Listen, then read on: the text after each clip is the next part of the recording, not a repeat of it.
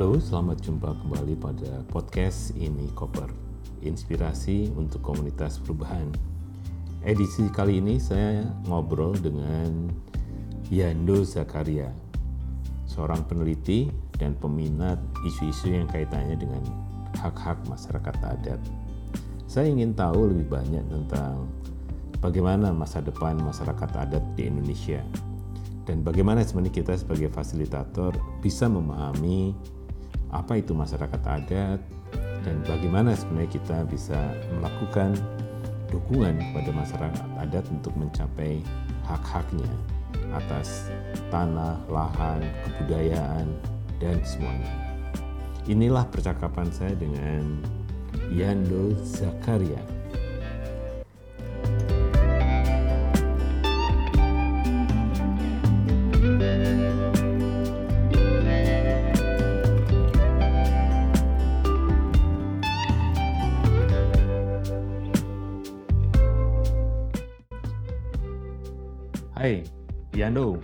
Kabar? Hai Dan, ketemu lagi. Apa kabar? Iya nih. Yan, aku tuh sebenarnya sore hari ini ya ada ada beberapa pertanyaan penting gitu kaitannya dengan perkembangan masyarakat adat. Kita ketahui kan ada Kongres Masyarakat Adat ke-6 di Papua. Apa yang menarik sebenarnya dari peristiwa ini ya? Uh, saya nggak ngikutin ya dinamikanya uh, bagaimana ya, tapi menarik sebenarnya adalah uh, kebetulan hari ini tiba-tiba saya dapat sebuah artikel melalui Google uh, Read gitu ya, sebuah artikel dari seorang profesor di Leiden University uh, yang bicara tentang pluralisme hukum di dalam memenuhi keadilan sosial.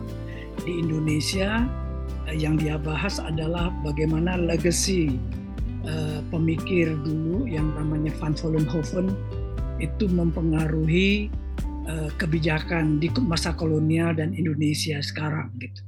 Dan itu masih uh, ada sampai hari ini ya. Kita tahu pandangan pengakuan tentang apa yang disebut masyarakat, hukum adat, hak wilayah dan lain sebagainya itu ada di dalam uh, konstitusi kita. Jadi masih berakar. Nah, yang menarik dari tulisan itu uh, setelah mencermati berbagai perkembangan paling tidak dalam 75 tahun terakhir. Nah, ini menarik catatannya dia mengatakan bahwa uh, ya sebagai masyarakat masyarakat adat pasti sudah berubah Nah, kalau konsepsi yang digunakan masih merupakan konsepsi sebagaimana yang dikembangkan oleh Van Vollenhoven 75 tahun yang lalu pasti akan menimbulkan kesulitan.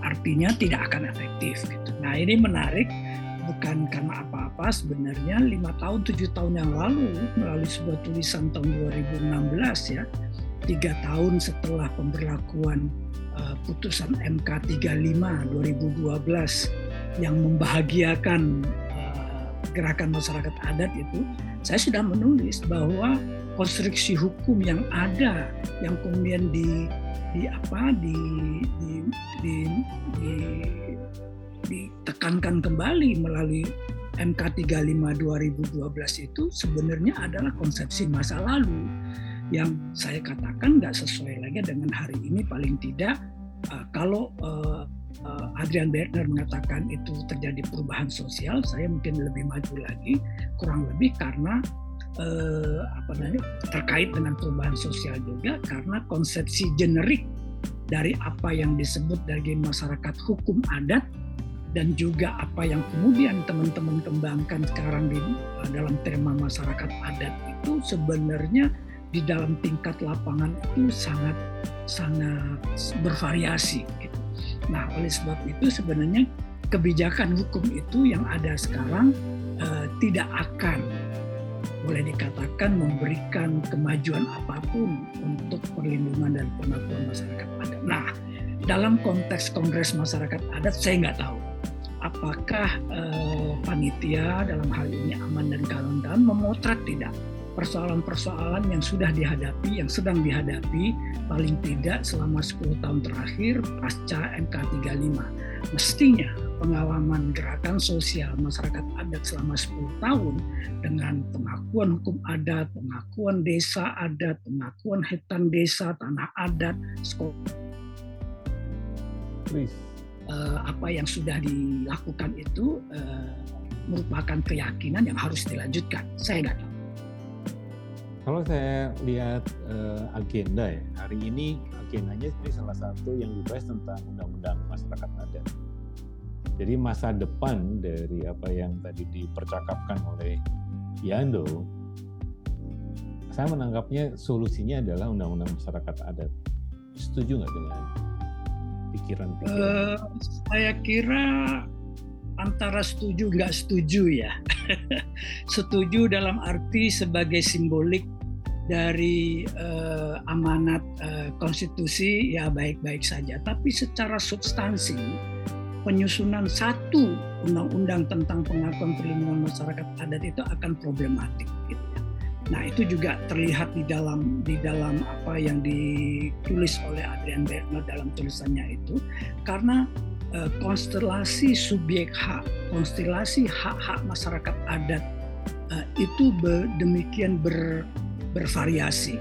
Itu berbeda waktu dulu ketika Van Vollenhoven menyuarakan lindungi hak masyarakat hukum adat, maka selesai masalahnya. Pada saat itu masyarakat hukum adat dilihat sebagai suatu entitas politik yang dihadapkan kepada pemerintah kolonial gitu ya. Jadi dengan pengakuan entitas masyarakat hukum adat itu kemudian masyarakat adat punya otonomi mengatur ke dalam. Nah, faktanya hari ini kan mungkin juga masa lalu juga seperti tidak seperti itu gitu ya. Jadi tidak ada sebenarnya satu entitas uh, politik atau entitas masyarakat adat yang otonom terhadap seluruh haknya itu gitu ya. Nah, saya berkali-kali mengatakan kita bicara hak atas tanah saja, kita akan berhubungan dengan subjek yang sangat banyak dalam masyarakat Minangkabau aja tiga subjek. Kalau kita bicara Papua juga demikian. Hasil penelitian saya dan kawan-kawan uh, waktu membantu ATR BPN masa lalu juga begitu. Di NTT misalnya kita menemukan ada 4 sampai 5 subjek uh, hukum terhadap tanah adat. Terus apa yang bisa kita lakukan dengan sebuah pengakuan undang-undang seperti undang-undang masyarakat adat itu yang orientasinya sangat pengakuan subjek seperti yang kita lihat dari draft RUU sekarang. Karena persoalan kita bukan subjek lagi, karena subjek itu sudah selesai pengakuannya dalam konstitusi dengan adanya pernyataan yang deklaratif menyatakan masyarakat hukum adat diakui hak-haknya sepanjang masih ada dasarnya. Persoalan kita adalah hari ini bagaimana hak-hak masyarakat adat yang diakui itu diakomodasikan. Subjeknya sudah selesai, apakah dia sebagai masyarakat hukum adat sebagai entitas politik seperti desa adat? Sudah ada pengakuan tentang desa adat ya. Apakah subjek terhadap penguasaan tanah adat juga sudah ada aturan-aturan mengatur tanah adat yang bersifat publik atau tanah adat yang bersifat privat dan lain agama adat juga sudah diakui melalui misalnya kebijakan kependudukan di mana sekarang agama leluhur bisa masuk ke dalam identitas dalam KTP. Jadi sudah banyak sekali ya. Jadi saya tidak melihat lagi urgensi sebenarnya kecuali yang bersifat simbolik. Yang menarik sekali. Yan, ini kan kelihatannya memang memang apa banyak sekali ya perdebatan-perdebatan tentang tentang masa depan masyarakat adat. Di sisi yang logis ya, ini kan perkembangannya juga sebenarnya kan ya secara ekonomi ya, secara politik gitu.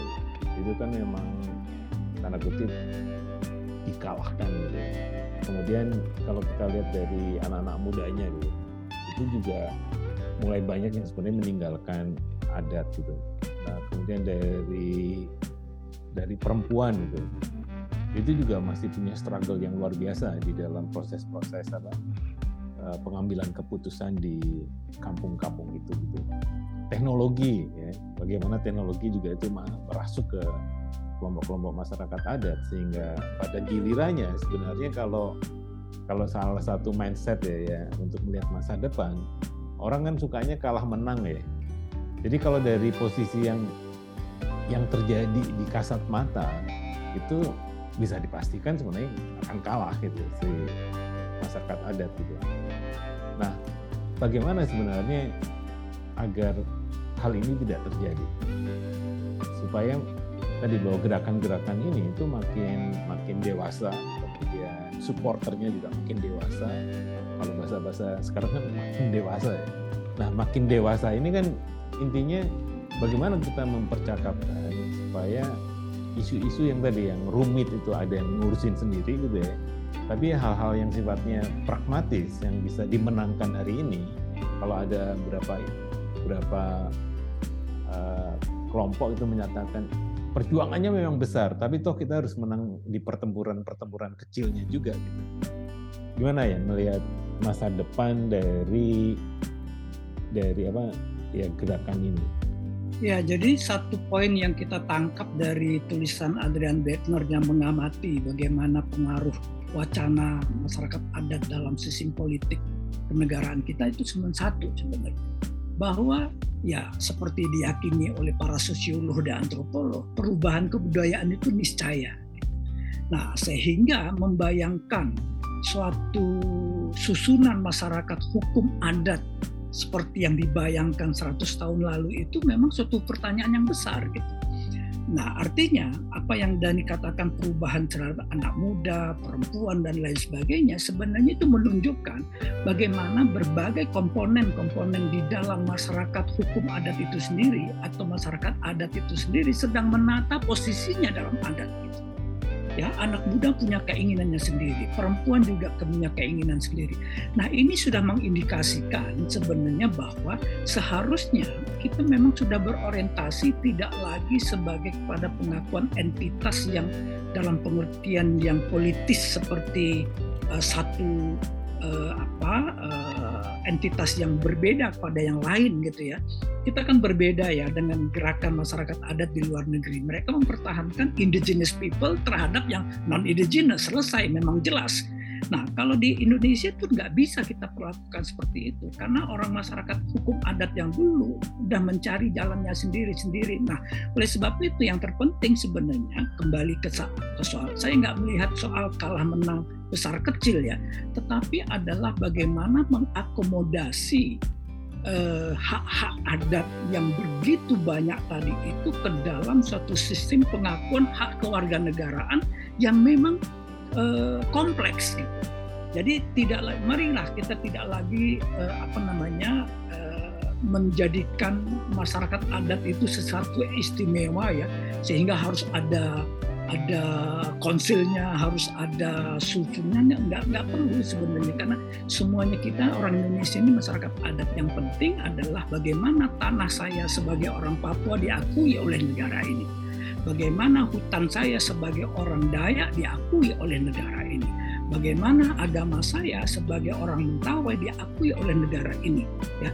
Jadi pengakuan subjek masyarakat adat tadi itu sudah termasuk ke dalam pengakuan kewarganegaraan gitu.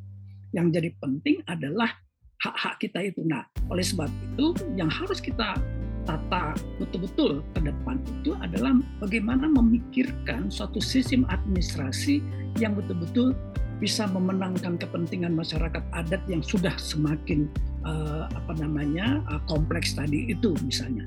Nah, jangan-jangan ya jangan-jangan saya khawatir ada ada ada kesan ya menggunakan wacana masa lalu dengan satu entitas yang spesifik yang disebut masyarakat adat kemudian dibilang lagi ada wilayah adat secara spesifik justru itu kemudian menimbulkan suatu apa ya kalau istilahnya rekan saya Nur Fauzi itu kan menimbulkan ketakutan Eh, bagi komponen-komponen bangsa yang lain. Bangsa ini tidak hanya masyarakat adat juga, ada komponen yang sudah lagi di dalam masyarakat adat itu sudah ada elit politik, sudah ada pengusaha juga. Jadi sulit kita mengatakan masyarakat adat suatu entitas yang yang yang utuh begitu. Karena ya pengusahanya ya masyarakat adat juga, bagian dari masyarakat adat itu. Terus apa yang mau kita bedakan. Nah, yang membedakan adalah hak-hak yang melekat kepada warga negara sebagai masyarakat adat itu yang kita bawa dari tradisi masing-masing. Nah, ini tantangan kita. Nah, dengan begitu saya agak yakin kalau kita misalnya secara serius sekarang misalnya apakah kerangka hukum tentang pengakuan tanah adat sekarang seperti yang disampaikan oleh Adrian Bateman gitu yang sudah berubah itu masih masih bisa digunakan nggak peraturan menteri yang ada sekarang? Nggak bisa. Coba pertanyakan kita lihat apakah pasal 67 ayat 2 yang ada di Undang-Undang Kehutanan itu realistik nggak di dalam di dalam kehidupan sosial kita? Nggak bisa gitu loh. Karena masyarakat adat itu terwujud dalam unit-unit sosial yang sangat beragam tadi. Apakah dia yang mulai dari kelompok-kelompok genealogis uh, yang kecil sampai yang besar. Jadi oleh sebab itu mungkin kalau saya disuruh memilih kita butuh undang-undang masyarakat adat ya ya tapi undang-undang masyarakat yang yang berorientasi pada pengaturan tentang pengakuan dan perlindungan hak-hak masyarakat adat gitu. Jadi karena masyarakat adat itu sudah selesai pengakuan melalui konstitusi.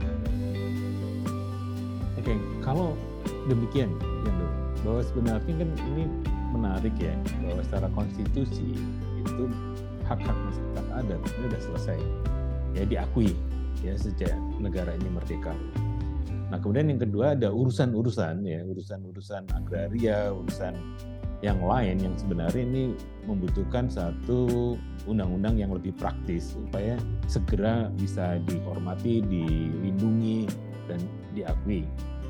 Nah saya ingin membayangkan sebenarnya adalah bahwa ke depan itu yang disebutkan tadi kan ada perubahan ya, ada perubahan di tingkat masyarakat adat sendiri karena merespon juga dunia yang sedang berubah. Yang ingin saya tanya sebenarnya, adakah perlindungan gitu? Kalau saya bagian dari sebuah masyarakat adat, saya ingin menyatakan saya ingin kembali gitu, ya melakukan kegiatan-kegiatan yang basisnya ada adalah tadi eh, kecerdasan lokal ya kearifan lokal dan dan sebagainya sebagai standar sebenarnya untuk untuk saya berkehidupan seperti yang tadi nenek moyang. Dan saya ingin tadi mempunyai perlindungan khusus. Misalnya yang disebutkan ya tadi ada kelompok-kelompok yang kemudian saya ingin seperti itu. Saya nggak ingin tadi ekonomi pasar teknologi apa internet yang canggih-canggih saya nggak mau. Saya ingin kembali ke ke hal-hal yang lebih sangat tradisional Apakah dimungkinkan kalau ada gagasan seperti itu? Nah, ini kan terkait dengan persoalan undang-undang tadi ya. Nah, sebenarnya kalau kita mau jujur, udah cukup semua regulasi tentang kebutuhan masyarakat adat hari ini. Soal tanah ada, soal pemerintahan yang otonom ada, soal kebudayaan ada, soal usaha ada, dan lain sebagainya. Regulasinya tersedia. Jadi untuk menjadi itu uh, tersedia ya. Oleh sebab itu boleh dikatakan nggak perlu lagi nih sebenarnya undang-undang gitu ya. Nah persoalannya apakah regulasi itu bisa uh, memenuhi keadilan rasa keadilan masyarakat adat itu pertanyaannya. Nah regulasinya sekarang ini rumit, uh, sulit, mahal dan impossible gitu. Nah, jadi persoalan kita hari ini bukan tidak ada regulasi. Jadi kalau 20 tahun lalu uh, kita berteriak uh, kemudian melahirkan aman itu kalau negara tidak mengakui kami, kami tidak mengakui militer, sudah banyak sekali negara hadir dalam bentuk regulasi-regulasi. Ada 30 undang-undang kurang lebih. Ada dua perpres, ada sekitar enam uh, peraturan setingkat menteri. Cukup gitu tetapi untuk jadi apa saja cukup gitu loh termasuk seperti yang yang Dani maksudkan tadi itu nggak mau boleh gitu nah tetapi regulasi yang ada itu sulit dicapai dipenuhi oleh si masyarakat. Nah ini persoalan kita. Nah seharusnya persoalan kita tidak lagi pada pengakuannya, tapi apakah regulasi ini make sense apa tidak? Kan indikator hukum sebenarnya sederhana saja kalau regulasi itu masih merugikan masyarakat yang bersangkutan, maka regulasi itu harus kita ubah. Nah, hal yang sama itu terjadi. Oke, sekarang ada kebijakan negara tentang pengakuan hutan adat, tapi harus dengan perda, harus fairtek, harus dan lain sebagainya dan lain sebagainya sampai harus pemetaan partisipatif dan lain sebagainya yang nggak mungkin dipenuhi oleh masyarakat adat. Nah, kalau kita mau jujur, evaluasi regulasi itu tidak memenuhi syarat sebuah kebijakan yang baik. Artinya apa? Walaupun regulasi itu ada, tidak bisa masyarakat adat mengaksesnya. Contoh sederhana, hari ini 10 tahun dengan mati partian berbagai pihak, kita hanya bisa mengakses menetapkan 80 unit hutan adat selama 10 tahun ya yang jumlah lahannya yang itu hanya 70 ribu hektar. Nah kalau regulasinya seperti ini kita mau mengatakan apa? Nah kalau kita ingat salah satu pesan dari mengapa uh, judicial review dari aman dikabulkan mahkamah karena peratur yang apa eh, pasal-pasal yang ada di undang-undang kehutanan itu merugikan masyarakat. Nah, sekarang kita bisa mengatakan walaupun regulasi sudah ada, undang-undang sudah ada, PP sudah ada, peraturan menteri sudah ada, tetapi tidak bisa diakses oleh masyarakat, maka regulasinya harus kita ubah. Nah, jadi persoalan kita di level itu. Nah, levelnya ada di sana. Jadi seperti kalau pertanyaanmu, apakah bisa? Bisa. Ya, ada ada begitu banyak ruang apa yang saya sebut sebagai ruang inklusi sosial. Ya, uh, artinya ada banyak ruang di mana uh, persoalan masyarakat masyarakat adat itu menjadi inklusif, baik di dalam sistem pemerintahan maupun dalam sistem pembangunan. Masalahnya regulasi yang memungkinkan mereka masuk ke dalam ruang inklusi itu masih kalau saya sebut tadi, tadi itu adalah tidak kompatibel dengan situasi di lapangan. Oke, thank you. Bung Jando untuk pencerahannya gitu. Karena saya terus terang sebenarnya isu ini kan isu memang sangat complicated. Semua orang punya perspektif yang yang beda-beda ya. Kadang kalau kita mengusulkan sesuatu juga tarikan ideologinya itu sangat apa sangat sangat kuat ya. Karena karena muatan-muatan muatan-muatannya bukan sesederhana yang kita bayangkan gitu. Jadi saya tertarik sebenarnya untuk bagaimana ya kita bisa membuka kalau istilah saya itu membuka cakrawala yang lebih lebar lagi supaya bahwa ide-ide ini tidak hanya seolah-olah hanya satu jalur saja yang harus harus dipecahkan, tapi banyak mindset baru yang harusnya di, dikembangkan sehingga banyak kemungkinan menuju apa pembebasan masyarakat adat yang bisa memilih apa yang mau mereka lakukan dalam menjalani kehidupan, relasinya dengan alam, relasinya dengan, dengan Tuhan dan sebagainya. Itu bagian yang kita harus lindungi dengan apa yang ada sekarang tapi pada prinsipnya adalah banyak cakrawala yang kita bisa pakai untuk membantu jalan ini supaya mencapai apa visi atau impian yang dibayangkan oleh kawan-kawan yang sedang memperjuangkan hak-hak masyarakat.